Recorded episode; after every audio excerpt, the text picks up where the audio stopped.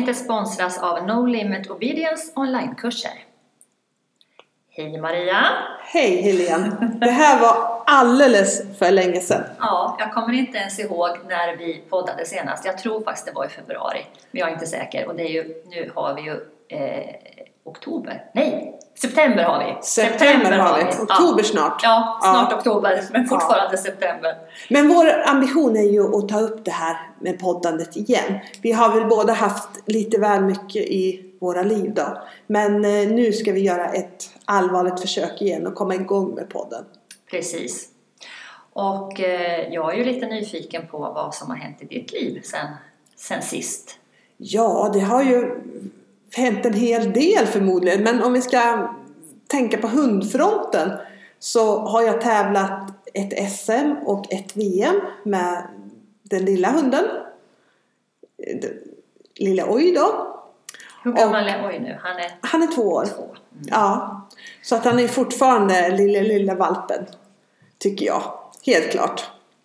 Och eh, det har gått väldigt bra. På SM så kom vi tvåa. Han gjorde fantastiskt bra. Mm. Hade egentligen inga stora förväntningar utan det är en ung hund som är fortfarande under träning och, och um, jag hade liksom jag, jag, hade egentligen inga, inga förväntningar på att det var tvungen att gå bra. Men jag visste att om allting om man gör allting så, så, så kan det gå bra. Ja.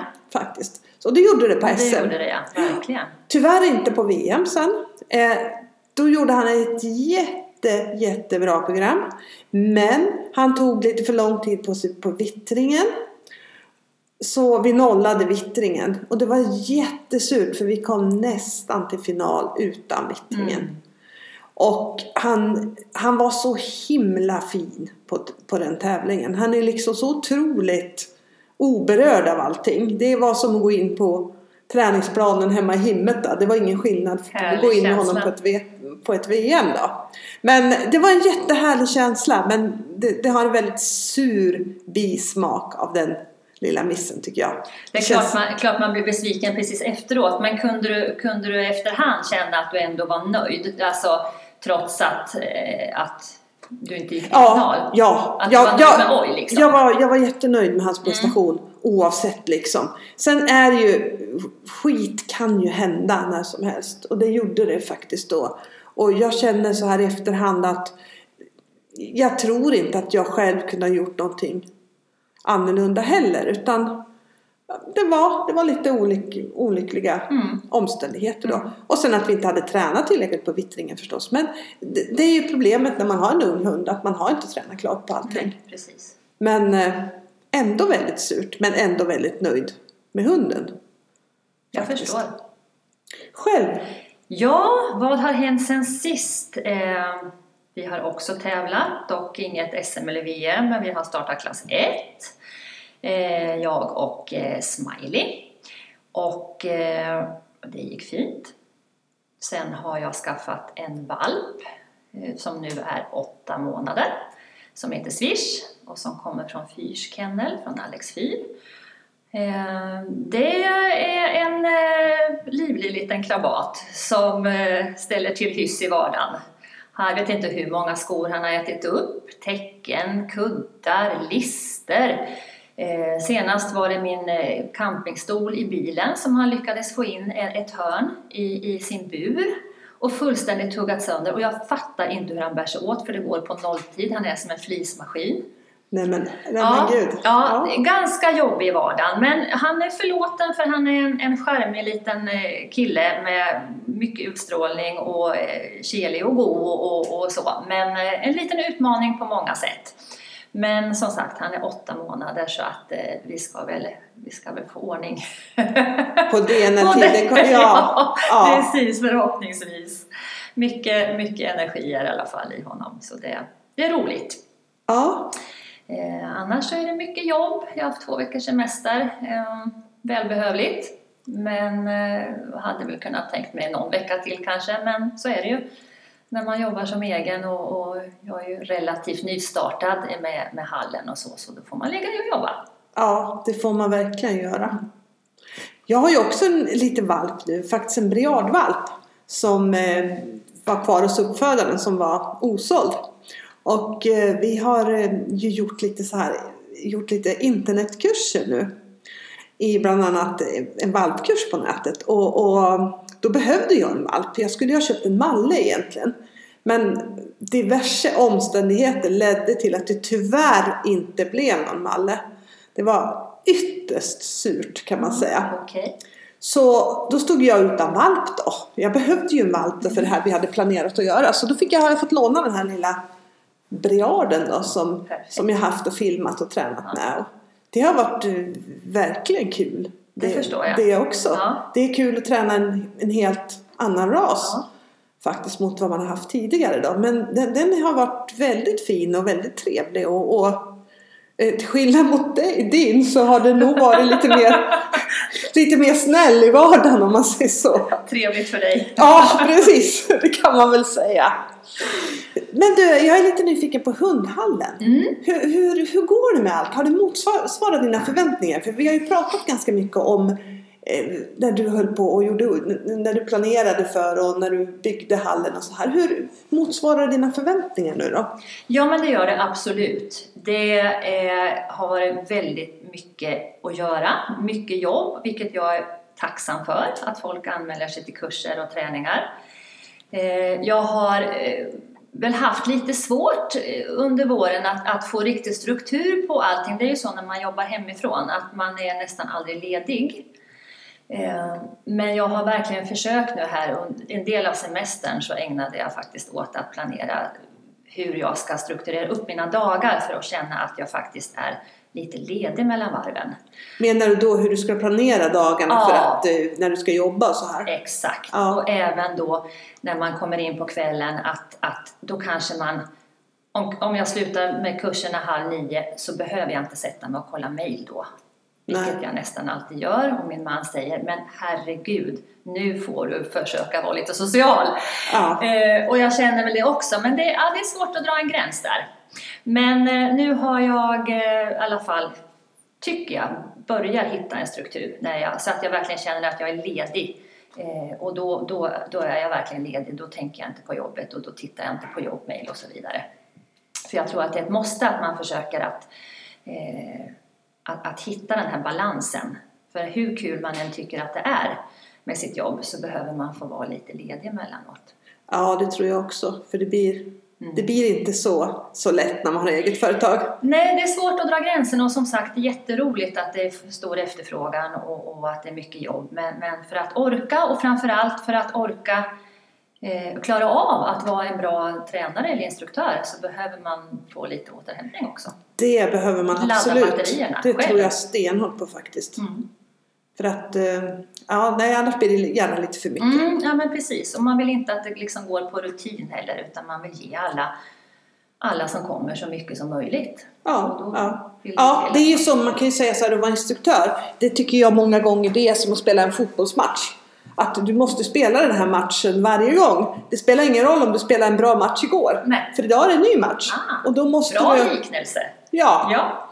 Så det är faktiskt så att det kräver ju det kräver ganska mycket att ha kurs. Just eftersom du ställs inför nya situationer och nya elever hela tiden. Det är väldigt roligt men man behöver vara fräsch för att fixa det. Ja, och jag brukar tänka på skådespelare som spelar samma, eh, samma teater till exempel, kväll efter kväll.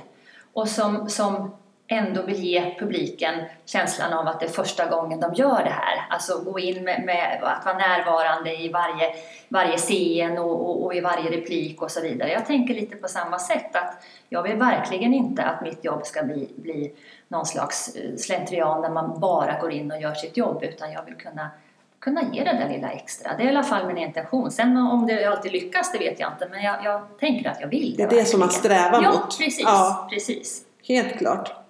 Eh, vi ska ju prata lite om instruktörsrollen idag. Mm. Eh, det, det tycker, eftersom vi båda jobbar med att vara instruktörer så tycker vi att det är jätteintressant.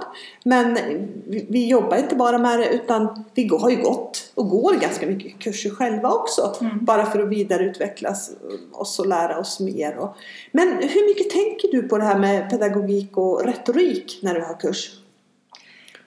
Väldigt mycket. Eh, jag tänker att eh, när man har en kurs med flera olika deltagare så försöker jag verkligen att se till att jag, jag får med alla bitar. Eh, det vill säga att, att, jag, att jag ser att alla förstår vad jag menar, hur jag tänker. Och det kan ju vara svårt ibland, speciellt om man har en kurs där alla är på lite olika nivå. Och, och just att anpassa både det man säger och det man kanske visar så att alla, alla förstår. Men jag försöker verkligen stämma av eh, med jämna mellanrum. Är du med? Förstår du hur jag tänker? Eh, så, så att man liksom har en feedback hela tiden med, med den elev som man jobbar med. Eh, sen tänker jag mycket att i, ibland så känner man att det, det, det är så mycket man vill säga på en och samma gång. Ja. Och jag kan ibland, upplever jag själv, prata på lite, lite för mycket. Eh, för man vill ha, ha mycket sagt på kort tid. Och det tror jag, det försöker jag passa mig för. För att om jag tänker på mig själv eh, när jag tränar vallning, som jag verkligen är rookie på, eh, så har jag väldigt, väldigt svårt att eh, om det blir för mycket på en gång. Utan jag vill, jag vill träna en sak i taget, att fokusera på en sak i taget. Ja. Eh, eftersom det är, det är så nytt för mig. Och jag tänker lite samma sak när man får, får elever eller kursdeltagare som, som inte är jätteerfarna, att, man inte, att det inte blir en missmatch av alltihopa, utan nu gör vi det här och fokuserar på det. Och sen gör vi det och fokuserar på det. Och inte minst om det gäller saker som man som förare ska ändra på, kanske i sitt sätt att gå eller sitt sätt att belöna, någonting som är väldigt inlärt och automatiserat hos sig själv. Då kan man inte blanda ihop för mycket utan då måste man verkligen fokusera på just det för att, att klara av att tänka att nu, må, jag måste ändra, nu, måste jag, nu är det den foten jag ska ta först eller nu är det den belöningsplaceringen jag ska ha. Ja. För annars så gör kroppen som den alltid har gjort. Exakt. Så det tycker jag är viktigt, en sak i taget.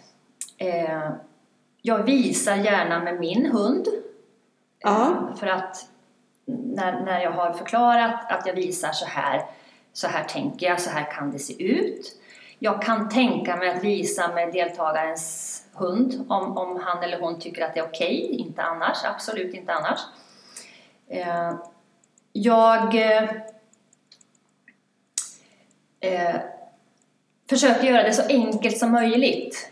Eh, inte krångla till saker för mycket utan försöker ja, förklara i enkla termer och göra det, göra det begripligt. För många gånger när man, när man eh, är inne i ett ämne själv så är det lätt att tänka att alla förstår vad man menar när man säger en viss sak. Men det är ju inte säkert att alla eh, har, har den erfarenheten och då får man se att, att personen i fråga verkligen är med på vad jag, vad jag menar. Så ehm, var det svar på din fråga? Jag kommer ja, inte ja, ja, ja, ja. Det, det, var det här med pedagogik ja, och retorik. Det var ganska lång, men, ja. men det är ju ett ganska stort ämne. Det kan man säga helt klart. Och, och, och, en av utmaningarna med, med att träna hund och vara instruktör för, för hundtränare det är ju att det alltid är två stycken som du instruerar.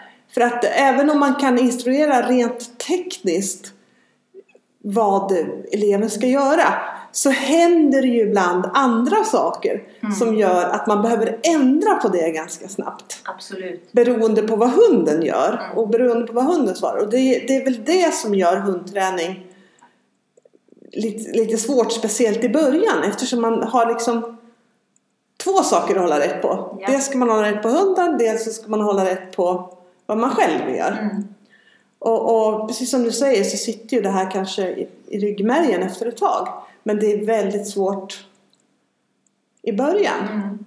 Jag, jag håller med om det. Att, att um, jag tycker att också att det är jätteviktigt att man måste kunna förklara saker på ett tydligt sätt.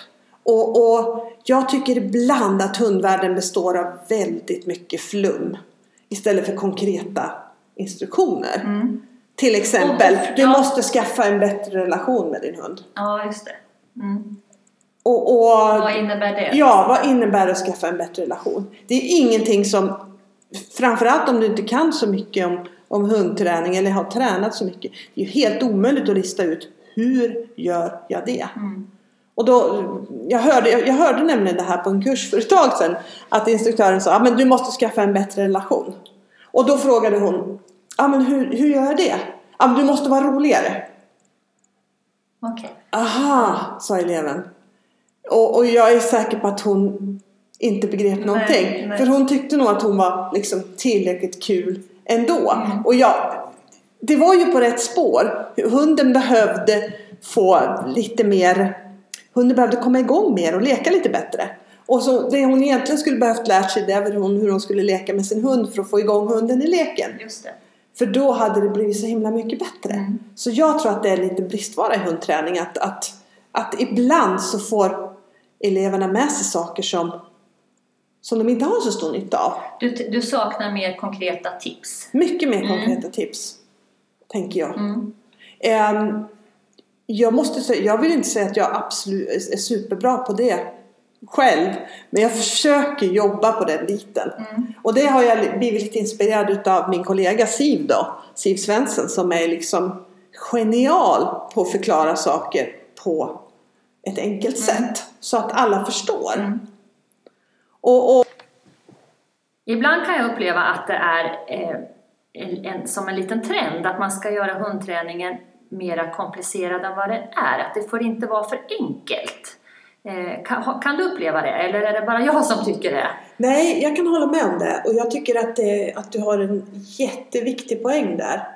För hundträning är, det är ju egentligen en väldigt praktisk grej. Mm. Inte så mycket en teoretisk grej. Och jag tror ibland att det är lätt att snöa in på en massa komplicerade, krångliga funderingar och förklaringar. Och det är egentligen inte så viktigt och veta egentligen bakgrund och det, det är egentligen mycket viktigare hela tiden att veta vad man ska göra. Och jag tror också att det är skillnaden mellan en bra och en dålig instruktör. För precis alla kan tala om vad som är fel. Om man tittar på någonting så kan, även om du inte kan så speciellt mycket hund, så kan du direkt se, ja men hunden tuggar på apporten. Mm. Så att kunna tala om vad som är fel, det kan precis alla göra. Men som instruktör så är inte din roll att leverera vad som är fel. Utan det är att, tala, det är att leverera lösningar, tycker jag. Ja, precis. Så, så jag tycker det finns en viktig grej i, i det här med att försök få till saker och ting enkelt. Dels för att det ska vara enkelt att få till i träningen. För är det enkelt så kan man få till det. Och också för att det ska vara liksom enkelt att förklara för kursdeltagaren. Mm. Och, och där igen, jag, jag tycker inte alls att man så, speciellt ofta är så det är inte så viktigt med djupgående analyser. Det är mycket viktigare att komma på vad man ska göra. Och gärna så enkelt det bara går. Mera göra, mindre tänka i din filosofi. Absolut! Absolut! För att tänka kommer man ju egentligen ingenstans med. Och jag, tror, jag tycker att Fast finns... lite måste man tänka tycker jag också. Det, det är en balansgång där. Man får ju inte fastna i, i, i analys och, och, och, och vad ska man säga, att man går och, och funderar för mycket och analyserar hit och dit. Men, men lite, eh, lite tänkande innan görandet tror jag. Men däremot inte tänka och göra samtidigt utan man tänker först och gör sen. Absolut, ja absolut. Jag, jag måste ju hålla med om det, för lite tanke behövs ju också. För det är ju inte bara att göra, utan det gäller ju att dra slutsatser och planera och, och så här också. Men det viktiga är kanske att görandet blir större än, än, än görandet blir större än planerandet och just det. tänkandet, Ja, tänker jag. ja, ja, men jag håller med dig. Så man skulle kunna, om man ska ge ett konkret exempel på det här med, med att och, och, och vara lite konkret mot, mot sig själv också. Så kanske om man skriver träningsdagbok och så här så kanske det är minst lika viktigt att skriva vad man ska göra. Eh, istället för att skriva långa haranger om hur och sådär. Mm. För, för, för det är ju det är så med mycket i livet. Det är huvudsaken att du gör det bara. Mm. För det är alldeles för många saker som fastnar på tankestadiet, tror jag. Tror du att, att många, vad ska man säga, att, att många undviker att göra vissa saker på grund av att de är rädda för att det ska bli fel? Hellre inte göra Istället för att göra och få en dålig känsla. För Ja. det kan jag uppleva. Ja, det, det, det känner jag mycket väl till. Och det, det får man ju höra ganska många som säger också att "Nej, men jag vill inte göra någonting för att jag var rädd för att jag skulle göra fel. Mm. Och det behöver, jag, jag tror vi har pratat om det i podden förut. Ja. Jag känner Det igen det här bekant. lite grann. Ja. Men man behöver inte vara så himla rädd för att göra fel. Gör man fel en eller två eller tre gånger om man tränar liksom med, med, med, med belöningar och på, på ett positivt sätt så spelar inte det så himla stor roll. Nej. Däremot gör man fel 500 gånger då kan det bli problem. Och dessutom kanske belastar sin hund. Ja, ja, då har man ju mer om man jobbar med mycket korrigeringar och sådär. I, det, I det fallet är det ännu mer viktigt att göra rätt. Mm. Om man, om man nu har valt den vägen om man säger så. Om du skulle börja med någonting som var nytt för dig inom hundsport och du skulle börja träna för någon instruktör. Vad skulle vilka egenskaper skulle den ha? Vad är liksom din dröminstruktör för dig själv? Ehm, om jag skulle börja med något nytt, som var helt nytt tänker du då? Som Ja. Jag, ja. Typ. Ja, eh, så tänker jag mig att jag vill ha en instruktör som är ganska lättsam för att det är viktigt för mig att det inte blir för mycket allvar. Ehm, jag vill gärna ha en instruktör med lite glimten i ögat som kan förklara på ett sätt så att eh, jag kommer förmodligen göra ganska mycket fel i början. För jag har ingen klar målbild över hur, hur det här kommer att se ut. Förmodligen. Ja. Mm. Eh, så då, jag vill ha en instruktör som har tålamod. Eh, jag vill gärna ha en instruktör, jag lär mig personligen mycket genom att titta och göra. Jag är dålig på att lyssna, jag är inte någon auditiv person så. Jag har svårt att ta instruktioner genom att lyssna. Men jag har lätt att se i bilder och jag har ganska lätt att göra. Så att jag vill gärna se och göra, det lär jag mig mest på. Så någon som gärna visar med sin hund eller med min hund om det känns okej. Eh, och sen låta mig prova. Eh, kanske visar igen och jag får prova igen. Eh, och som ger mig konstruktiv kritik. Jag gillar ju när det är lite, som sagt, lite lättsamt och lite peppigt eh, klimat, gärna högt i tak i träningen. Mycket skratt och humor. Um, då blir jag bra känner jag, då får jag energi och har jag energi så tränar jag bra. Eh, samtidigt så är det ju givetvis jätteviktigt att man får re reda på vad som är, är bra och mindre bra. Ja. Att det inte bara blir eh, det ser fint ut och det, det är bra och så vidare utan man vill ju verkligen veta var förbättringspotentialen finns. Så en ärlighet måste ju givetvis till. Men den kan ju levereras på olika sätt. Absolut. Och där är vi ju tillbaka till, till det här med pedagogik och, och förmåga att läsa inte bara hund utan även läsa förare. Hur, hur vill den här personen eh, bli instruerad och vad gör den här personen bra? Hur ska jag leverera min feedback för att den här personen ska ta till sig det på bästa möjliga sätt? För det krävs ju också en viss, eh, ett intresse tycker jag för människor. Ja. Inte bara för hundar och hundträning utan det krävs ett, ett, ett människointresse. Va, va, vad tror du att det beror på att när, när man, när man, eh, när, när man tränar med nybörjare att vad tror du det beror på att det är så många som fast du säger samma sak många gånger så gör de ändå någonting helt annat? Vad tror du det beror på? Ja, det är bara, jag kan dra ett lysande exempel, en parallell till mig själv i, i vallningen. Jag har en oerhört eh, pedagogisk eh, och duktig vallinstruktör i Karin Söderberg. Och att inte hon har fått gråa hår på mig, det är ett rent under. För det är precis så det går till då. Hon förklarar och jag förstår i teorin. Eh, men sen har jag jättesvårt att få till det i praktiken. Och det beror ju givetvis på att jag inte har tillfällen att träna tillräckligt mycket. Precis det vi är inne på. Skulle jag träna, få göra detta varje dag, jag har ju inte egna, egna får hemma så jag har ingen möjlighet att valla så ofta som det skulle behövas. Men hade jag haft det så skulle det givetvis bli mycket, mycket bättre. Och jag tror att det här med att, att man upprepar fel eh, kanske också beror på att det blir väldigt mycket, man får mycket förklarat på en och samma gång. Man har svårt att bena ut. Eh, och, och jag tror att det kanske är viktigare att man, man jobbar på en, en bit i taget. Nu jobbar vi med det här, bara det här och får till det. Och sen lägger vi på det och sen lägger vi på det. Mm. Är du med på vad jag tänker? Ja, absolut. Så det tror jag kan vara en bidragande orsak. Vad, vad tror du? Och hur går dina tankar där? Eh, jag tror att man lurar sig själv lite att inlärning är att jag talar om en sak och att den som jag talar om det för den nickar och säger ja, jag förstår. Men det är egentligen inte inlärningen. Då är vi ju lite tillbaka på det här på vad som är teori och vad som är praktik. I teorin förstår alla. I praktiken så är det väldigt mycket svårare att se och förstå. Och där är det ju dels det här, precis som du säger, att man behöver träna på det. För, för att få in det.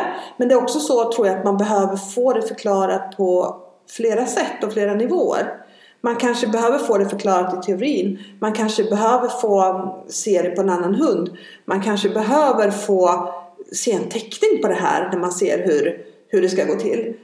Um, så, så att, att, man behöver förklara saker, att, att man ska ha det med sig, att man behöver förklara saker på ganska många sätt innan det går in. Mm. Och där igen, det är stor skillnad på teori och praktik. Och väldigt många förstår i teorin, men väldigt få förstår i praktiken Mm. faktiskt.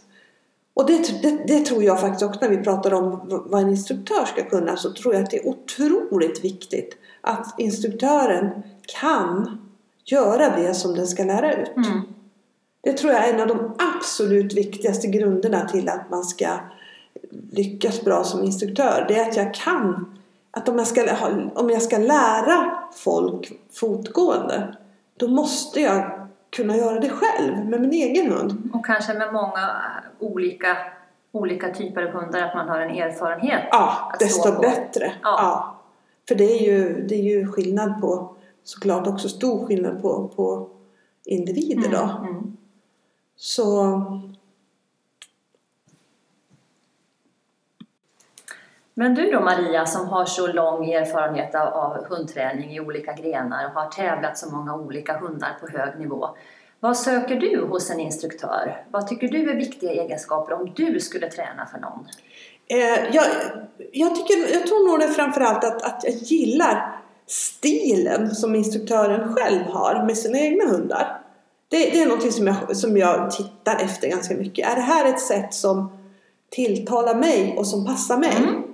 Sen så, så känner jag att jag är ganska kräsen på det här när man, när man lyssnar på någon att ger det resultat? Det som man säger. Sen naturligtvis är det ju många saker som man måste träna på ganska länge. Men, men jag vill se att det ger resultat relativt snabbt. Eller att man kan se små tendenser ganska snabbt att man är på rätt väg. Du tänker att de, de råd och den feedback du får vill du se ger resultat? Ja, Eller? ja. ja. Absolut, det är otroligt viktigt för mig. Mm. Jag är ganska så här resultatinriktad. Inriktad då. Mm. Sen, eh, sen tycker, jag, tycker jag också om, om, man, om man kan vara konkret. Och sådär. Eh, Jag är, har fruktansvärt dålig koordination. Jag kan aldrig göra någonting på kurs. Aldrig. Och jag, jag har nästan slutat försökt nu. Jag kan inte lära mig nya saker där. För, för det blir för mycket för mig att tänka på. Jag kan få en uppfattning hur man gör. Sen kan jag träna och sen kan Träna jag göra hemma. det hemma. Mm. Och sen kan jag göra Men jag kan väldigt sällan få till saker som innehåller koordination på kurs. Det, det, jag kan lära mig det. ehm, men det tar, det, det tar lite tid och jag behöver öva på det i lugn och ro. Med det koordination tänker du när du ska liksom foga samman två saker samtidigt? Tänker du rent fysiskt eller tänker du både mentalt och, och, och, och Mest fysiskt Ja, faktiskt. ja. Mentalt är jag nog bättre på liksom att få ihop det. Men rent fysiskt behöver jag träna på det. Helt klart så. Och så tycker jag, jag uppskattar också att man är ganska ärlig. Men för den skulle behöver man inte vara brutal ärlig. Men jag vill gärna få lite punkter som man ska som man ska fokusera på i träningen och som, man, som, är, lite, som är lite extra viktiga. Mm. Eh, och där igen så tycker jag liksom hitta det viktigaste. Vad, vad, vad behöver jag träna på just nu? Vilka bitar är viktigast för att det verkligen ska för att man verkligen ska komma framåt då. Mm. Och, och tillbaka där igen så, så vill jag gärna ha en instruktör som har en helhetsbild av, av alltihopa liksom. Som kanske inte som förstår alltihopa, alltifrån hela konceptet. Mm. Och förstår du vad jag menar? Ja, jag förstår så? precis vad du menar. Ja, För det handlar ju i alla fall om man nu vill tävla, vilket ju du vill och och jag också, många med oss, att, att få ihop paketet. Det räcker Ja. ju liksom inte att, att nej, nej. delar fungerar, man måste få ihop Du måste det. få upp hela Ja. paketet ja. Och Och det, då kanske man får tänka lite, ibland lite utanför boxen. Man får tänka på ett annat sätt. ja, ja. Det är så lätt att man bara fastnar i det här i, i delar och detaljer. Men jag tror vi har sagt det förut Mm, också. det. Men delar och detaljer det är det enkla i hundträning. Eller det kanske inte är det enkla, för det kan vara taskigt att säga. Men det enklaste kan man säga. Ja. Sen kan det vara svårt nog det också.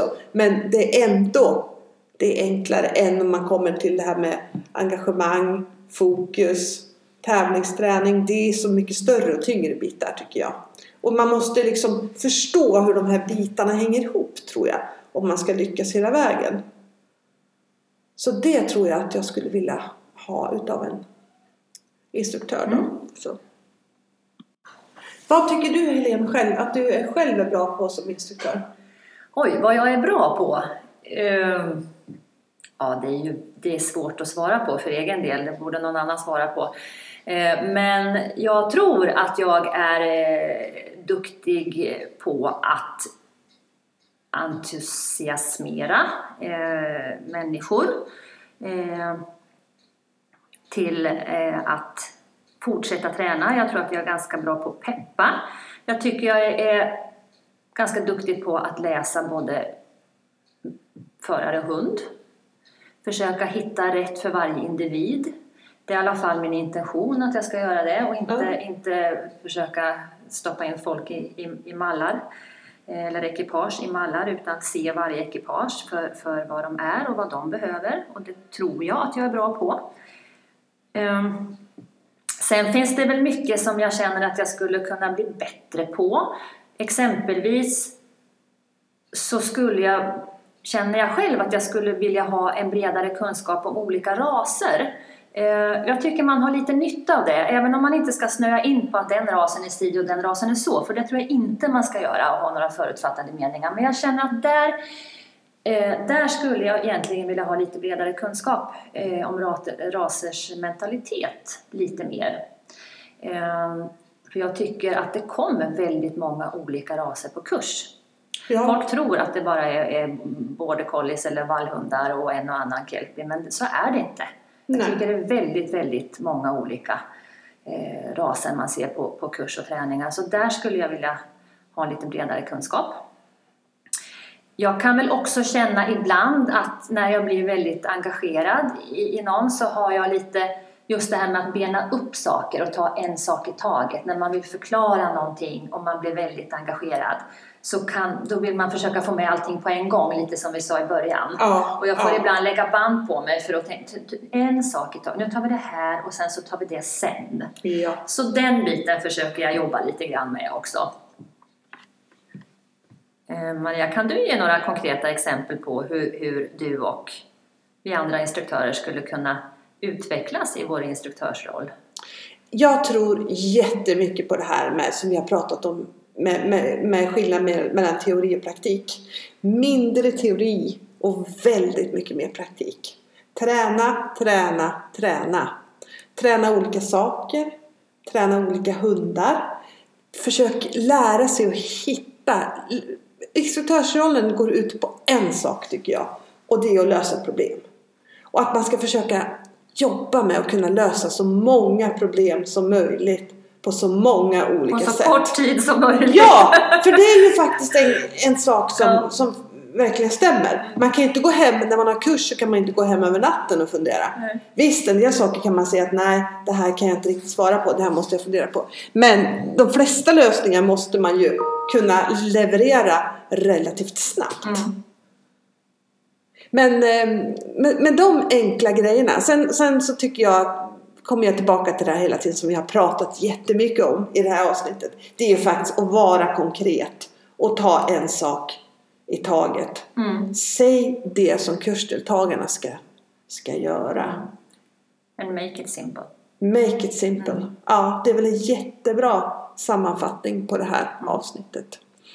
Och vad tycker ni om, om instruktörsrollen? Har ni några tankar och funderingar eller frågor så kommentera gärna på vår Facebook-sida Hundtränarpodden.